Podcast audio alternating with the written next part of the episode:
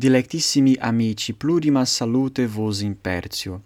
In primis ex opto precor minor felicissimum diem natalem Domini nostri Iesu Christi refertum gratiis spiritualibus. Et non solum die natalem sed etiam prosperum et felicem annum novum quia iam sumus prope novum annum ineuntem.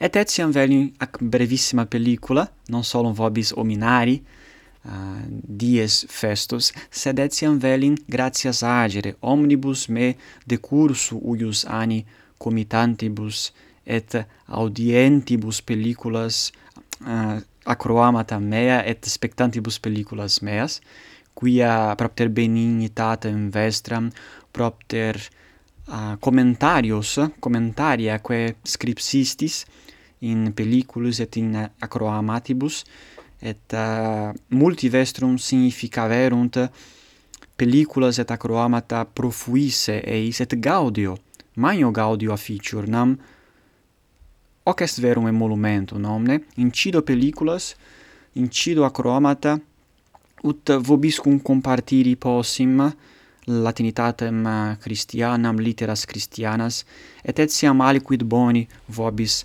afferre ergo mi est gaudio quotiescumque lego tales commentarios ergo gratias plurimas vobis ago quamquam non potui decursu uius ani multa facere sed id quod feci vobis placuit et hoc est verum et uh, maximum emolumentum Bene, ut finem impona, uic pellicule uh, ehm, parvissime, velim legere locum, de promptum ex sermone Sancti Leonis Mai, de nativitate Domini nostri Iesu Christi, ut uh, possimus sic celebrare omnes una uh, una celebrare diem festum Domini nostri Iesu Christi etiam hic in canali nostro.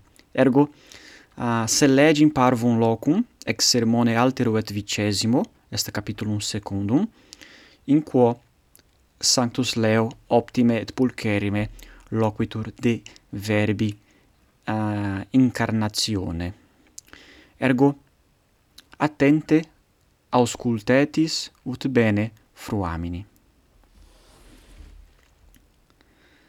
Advenientibus ergo temporibus dilectissimi, quae redemptioni hominum fuerant prestituta, Ingreditur ec mundi infima Iesus Christus Filius Dei, de celestis sede descendens, et a paterna gloria non recedens, novo ordine, nova nativitate generatus.